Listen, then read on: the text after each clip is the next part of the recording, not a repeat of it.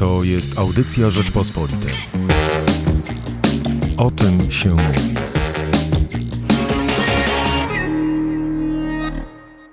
Dziewięć zer chciałbym kiedyś zrobić dziewięć zer. Spotify pyta mnie, czy puszczać jeszcze. Bardzo proszę.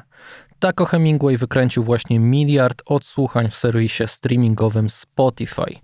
Co, tam, co to nam mówi o streamingach? A, a, nawet więcej, jak streamingi wpływają na nasz kontakt z muzyką. Ja nazywam się Michał Płociński i o tym dziś porozmawiam z Sylwią Czubkowską. Dzień dobry. Dzień dobry. Dla wyjaśnienia, jesteś redaktorką prowadzącą magazynu Spiders Web Plus, czyli przewodnika po nowym technologicznym społeczeństwie. Myślę, że to była tylko kwestia czasu, co? Aż pęknie te 9 zer. Miałeś w ogóle wątpliwości, że to akurat raper tego dokona?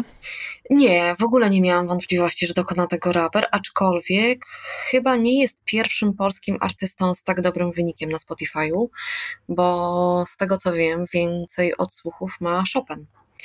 Jest pierwszym żyjącym artystą e, z ponad miliardem odsłuchów i pierwszym artystą, polskim artystą, który osiągnął ten wynik tak szybko de facto, tak, od swojego, od swojego debiutu.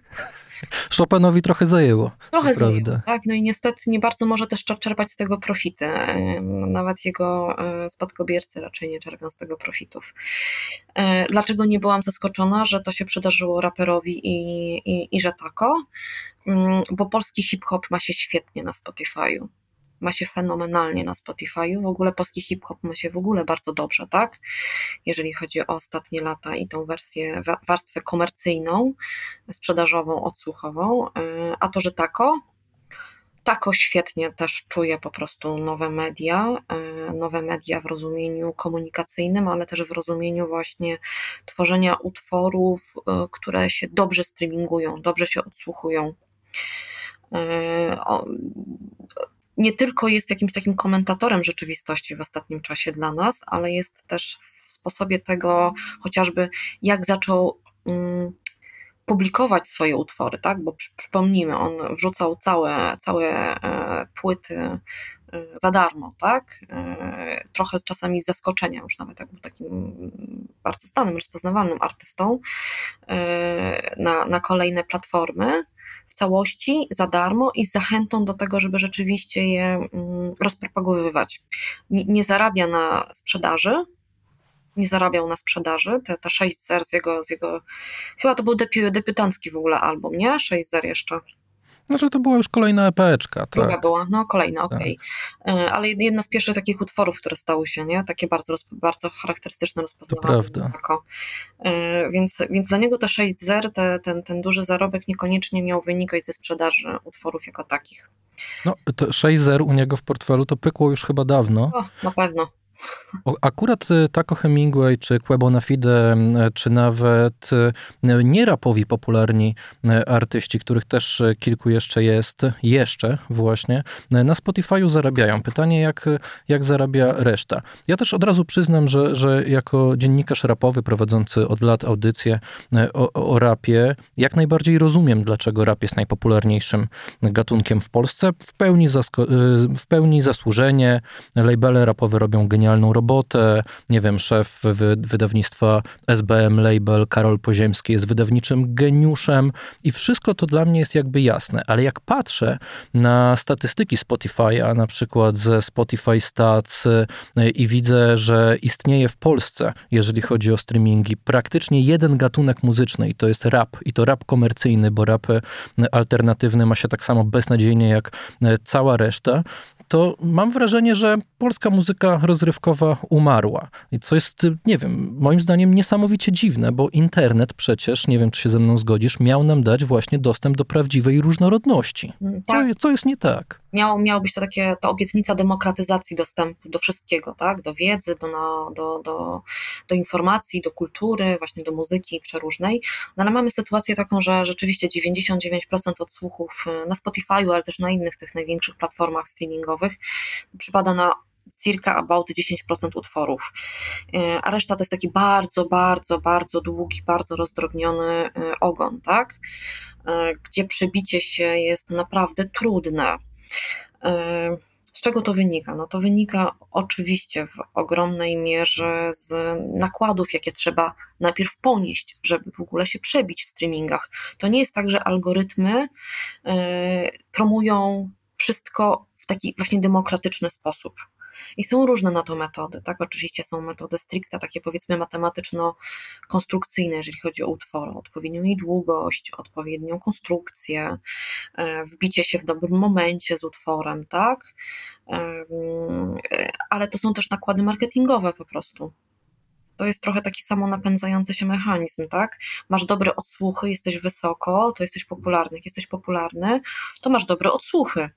E, jesteś na karcie na czasie na YouTubie, to będą cię jeszcze bardziej na tym YouTubie oglądać. A jak cię oglądają na YouTubie mocno, to jesteś na karcie na czasie, tak? Y, a jak jesteś na karcie na czasie, to masz pewnie wyższe y, dochody z, z, tych, z tych części opłat z reklam, którymi YouTube się dzieli z twórcami.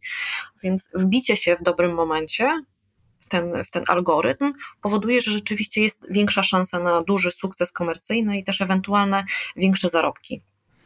I jaki jest tego efekt? Czy streamingi zmieniają nasze gusta muzyczne? Na pewno trochę nas y, uleniwiają, tak. Bo my jesteśmy oczywiście ze względu na zalew tego wszelkiego dobra y, w internecie, troszkę bardziej leniwi, tak? To znaczy rzeczywiście chętnie słuchamy te, te, te, znane piosenki, przy czym te znane piosenki to niekoniecznie te, które już słyszeliśmy w radiu tylko, tylko te, które nam podpowie, tak? Jeden czy drugi algorytm wskaże, że są zgodne z Twoim ewentualnym gustem. Yy, więc yy, to nam trochę zmienia ale z drugiej strony, jeżeli chcemy czerpać coś dobrego, to też dzięki streamingom możemy naprawdę trafić na utwory, na wykonawców, na których normalnie byłoby bardzo ciężko trafić, tak? bo, bo byli niszowi, bo byli gdzieś spoza kręgu, nie wiem, powiedzmy na przykład anglosaskiego, tak? do którego jest większy dostęp, tak zwyczajowo. Myślę, że też, i to znaczy myślę, to, to nie jest moja obserwacja, to jest obserwacja wielu analityków, socjologów, y, zmienia się też ilość tej konsumpcji wszelakiej, kulturalnej. E, my przecież nierzadko równolegle tak, słuchamy muzyki e, i to znaczy to było zawsze tak, że słuchaliśmy muzyki, coś, coś robiliśmy, tak, tylko że czym innym było odsłuchiwanie w kółko tego z tej samej płyty CD, tak, czy, czy, czy kasety, a czym innym jest puszczenie streamingu, który potrafi kilka godzin nadawać i, e, i stawać się tłem do takiego całkowitego funkcjonowania więc, więc zwiększa nam się po prostu ta konsumpcja. No, myślę, że streaming można też trochę porównać e, jego rolę do radia, bo on nam sam podpowiada nowe rzeczy, prawda, których wcześniej nie znaliśmy. Wchodzi w rolę takiego dziennikarza muzycznego, który nam podsuwa pod ucho e, muzykę, która może nam się spodobać i dzięki właśnie temu e, uczeniu maszynowemu, czy już mówiąc górnolotnie, sztucznej inteligencji, on może rzeczywiście odkrywać to, co nam się naprawdę zaraz spodoba. Wiele osób się właśnie nawet dziwi, jak to jest, że Spotify tak dobrze odgaduje ich gusta muzyczne i podrzuca im cały czas e, kolejną nową muzykę. I e, tutaj chyba nie ma co jakoś bardzo e, narzekać, że samo w sobie to jest złe, prawda? No dzięki temu odkrywamy właśnie ten wielki świat kultury. Oczywiście, że nie ma co narzekać na sam, na sam ten proces, tak? Bo ja się przyznam na przykład, że ja dzięki tej sztucznej inteligencji Spotify odkryłam jakieś dwa i pół roku temu Mary z Polski i jestem niezmiernie wdzięczna niezmiernie, bo po prostu uwielbiam Mary od tamtej pory. E, pewnie bym trafiła na nią w którymś momencie, tak? Może miesiąc później, może pół roku później, ale te kilka miesięcy dłużej ja jestem wdzięczna naprawdę, bo to jest świetna, świetna artystka, e, ale rzeczywiście jest tak, że za jakieś 30% wszystkich odtworzeń na Spotify odpowiadają playlisty, czyli te, te listy generowane przez sztuczną inteligencję w większości. Znaczy tam są oczywiście playlisty na przykład tworzone, tak, przez jakichś znanych muzyków, czasami yy, DJ-ów, a to pewnie jest jakiś drobny procent. No i jednak łatwiej jest yy, tym maszynowym uczeniem, tak, ustawić nam podpowiedzi szybciej, i sprawniej de facto. No ale właśnie jak to wpływa na muzyków, to też jest ciekawe, bo ty przeprowadziłaś bardzo fajny e, wywiad z Łoną, z Adamem Łoną Zielińskim, z raperem ze Szczecina. Wywiad pod tytułem Spotify dziękuję, nie słucham, gdzie on jako muzyk twierdzi, że nie pozwala sobie, by, by serwis dyktował mu, jak ma grać. Co to znaczy właśnie dyktował i w jaki sposób na przykład Spotify może dyktować muzykowi, jak on ma tworzyć swoją twórczość? Tam nawet był podtytuł do tego wywiadu Dziękuję, patrzę trochę szerzej, nie? Patrz trochę szerzej, nawiązując do, do jednego z, z, najlepszych kawałków e, Łony, bo to właśnie o to chodzi, żeby się nie zamykać w, tym, w tych algorytmach, w tych podpowiedziach algorytmowych, tylko uciekać trochę. Zresztą to jest dobre w całym naszym funkcjonowaniu w internecie, tak? Żebyśmy się nie, nie dali zamykać w bańkach na Facebooku, bo będą nam zawsze podpowiadały, czy tam na w innych portalach społecznościowych, będą nam zasady podpowiadały w to, co już wierzymy, tak? Te nasi znajomi będą, nam, będą dobierane tak treści od naszych znajomych, żeby żebyśmy się utwierdzali w pewnych przekonaniach. Algorytmy muzyczne znowuż będą nas utwierdzały, że no przykładowo, jak hip-hop to głównie komercyjny, tak? E, I ten, który się już świetnie słucha, i ten, który e, jest dzisiaj na fali. E, więc o to w dużej części chodziło w rozmowie z Łoną, żeby rzeczywiście starać się spojrzeć i szerzej, i wężej, tak? To znaczy poszukiwać czegoś dla siebie w, tych, w, tej, w tej ofercie, którą, którą dają nam streamingi. Um, ale myślisz, że artyści rzeczywiście próbują się dostosować do tych algorytmów, by być lepiej pozycjonowani, e, zaczynają, nie wiem, grać inaczej, szybciej, wolniej, krócej, czy może dają konkretne tytuły, słowa w utworach, żeby algorytm to wyłapał i proponował innym, że tak rzeczywiście już się dzisiaj dzieje? Dzieje się tak. Dzieje się tak. Nie, niekoniecznie artyści będą się chcieli do tego przyznawać yy, i na pewno nie robią tego wszyscy artyści, ale dzieje się tak, bo, bo za to odpowiadają w dużej części producenci. Są specjalne yy, takie zespoły producenckie już wyspecjalizowane na świecie e, właśnie w podrasowywaniu czy dopasowywaniu utworów muzycznych do, do wymogów algorytmów. E, I, I to nie jest nic do końca złego, bo, bo my, zobacz, my też funkcjonujemy w świecie mediów, my też pisząc teksty, mamy z tyłu głowy, że jest coś takiego ważnego, co się nazywa SEO, e, czyli dobre pozycjonowanie tego tekstu czyli też umieszczanie słów kluczowych w tytule, w śródtytułach, w lidzie, dzięki czemu tekst się będzie po prostu lepiej czytał i trafi do większej ilości odbiorców, co jest zawsze bardzo przyjemne, tak? No bo po coś się tą pracę wkłada. I masz takie przekonanie, i ty jako dziennikarz, ja jako dziennikarka, że skoro włożyłam tą pracę, to chciałabym, żeby ktoś ją odnalazł i przeczytał. E, I nawet umieszczenie tych słów kluczowych nie powoduje przecież, że cały cały ten utwór, cały artykuł jest, jest gorszy, jest, jest mniej wartościowy, po prostu jest lepiej spozycjonowany pod wymogi czy też potrzeby internetu. Więc to nie jest tak, że wszystkie te, mm, wszystkie te takie mm, dopasowywania utworów muzycznych pod wymogi algorytmów są złe. Kluczowe jest oczywiście to, żeby to nie, nie, nie znaczy gdzieś zachować Yy, zdrowy rozsądek w tym, tak? No bo są Umiar. przykłady, ja sobie teraz nie przypomnę, musiałabym poszukać, a nie chcę ściemniać naszym słuchaczom, że ja to z głowy pamiętam, ale są przykłady muzyków, którzy specjalnie pod, pod, pod Spotify tworzyli utwory, one miały świetne odsłuchy, bo yy, totalnie wpadały w ten algorytm, nawet były takie eksperymenty wykonywane. I tam z miejsca w ciągu kilku dni robiło kilkanaście, kilkadziesiąt milionów no tak, kolejna sprawa to jest, czy rzeczywiście opłaca się mieć y, tak wymierny, wymierną korzyść się dostaje z tych y, odsłuchań, bo wiadomo, one generują popularność w normalnych czasach, nie w trakcie pandemii, to się może przełożyć na y, sprzedane bilety na koncerty i tak dalej, czy na jakieś akcje reklamowe.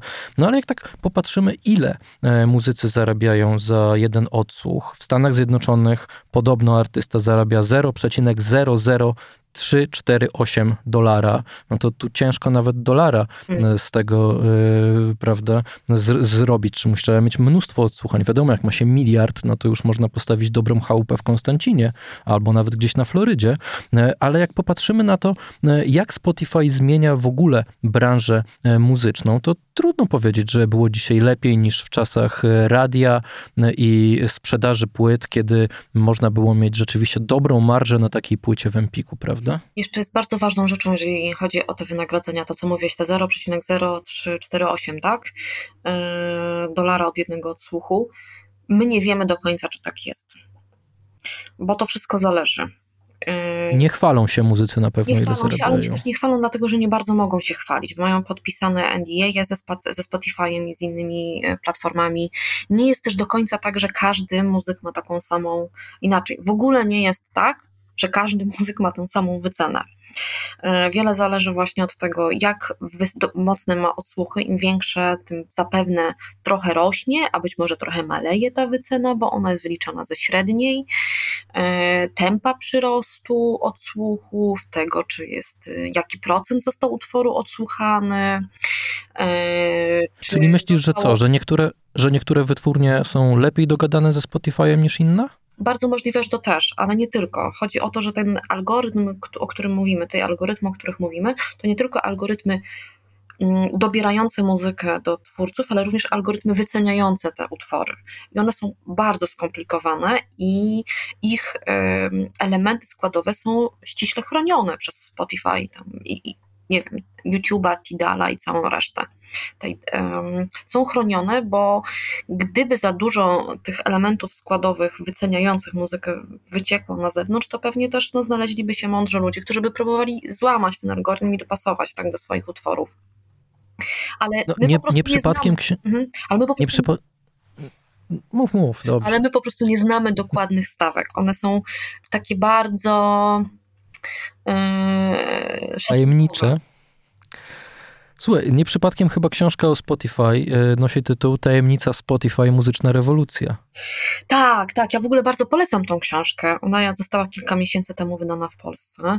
Po prawdzie, niestety w tej książce nie ma rozwikłanych najważniejszych tych tajemnic, o których dzisiaj mówimy, czyli tego wpływu na rynek muzyczny, tego jak się na Spotify'u zarabia, kto zarabia na tym Spotify'u de facto, ale za to jest super barwnie opowiedziana historia samej firmy, bo to jest też jest niezwykle ciekawe, że to jest jedna z nielicznych y, tych big techowych y, platform cyfrowych, która nie jest amerykańską platformą. To jest, to jest szwedzka firma. Y, więc troszeczkę inne tło niż w przypadku film z Doliny Krzemowej, jeżeli chodzi o powstawanie. Takie niby bliższe na mnie, no bo to jednak Europa i to jeszcze Europa Północna. E, a z drugiej strony wiele elementów podobnych, jeżeli chodzi o od startupu do, do big techu e, w Europie i w Stanach Zjednoczonych, więc mega polecam wszystkim zainteresowanym tym takim tłem historyczno-biznesowym. Tak, bym nawet powiedział, jak się nazywają autorzy tej książki, ale to jest strasznie skomplikowane, spróbuję. No, Carlson, tak. ale drugiego nie wymówię. Tak, Sven Carlson wymawiam, a drugi autor nazywa się Jonas Lionhoofdów. Liczę, że powiedziałeś dobrze. Tajemnica Spotify Muzyczna Rewolucja. Łatwiej będzie znaleźć. Sylwia, to na koniec. E, zrezygnować ze Spotify'a, bo jest on niebezpieczny, czy korzystać z niego, bo przecież daje nam e, tyle możliwości? Korzystać. Korzystać, korzystać tak jak ze wszystkich dóbr cyfrowych dosyć racjonalnie. To znaczy, ja na przykład, przyznam się, zainwestowałam jakiś czas temu w gramofon, więc uwielbiam też teraz słuchać e, tej czarnej muzyki, tak, z czarnych płyt. Mm, I to jest zupełnie inna też, inny odbiór niż w przypadku Spotify'a, bo trochę tak mnie zmusza, żeby się zastanowić, nie, co, co puszczam i dlaczego dzisiaj to puszczam. Um, I ze Spotify'em na jeszcze jedną rzecz bym chciała zwrócić uwagę, czy ze Spotify'em, czy z innymi streamingami. My, korzystając z tych platform, też możemy podejmować decyzje takie konsumenckie, jeżeli chodzi o wsparcie naszych artystów, których po prostu sobie cenimy, bo my możemy płacić lub nie płacić, tak? Jeżeli płacić, to wtedy może odsłuchiwać tych, na których nam zależy, bo dzięki temu być może mają lepsze zarobki. A rzeczywiście od roku jest słabo, jeżeli chodzi o główną część zarobków muzyków, czyli koncerty. Więc nie kasować, tylko pomyśleć trochę nad tym, jak się korzysta. A o Spotify'u i o dziewięciu zerach tak o Hemingwaya mówiła Sylwia Czubkowska, redaktorka prowadząca magazynu Spiders Web Plus. Bardzo dziękuję. Bardzo dziękuję. Słuchaj więcej na stronie podcasty.rp.pl. Szukaj Rzeczpospolita Audycje w serwisach streamingowych.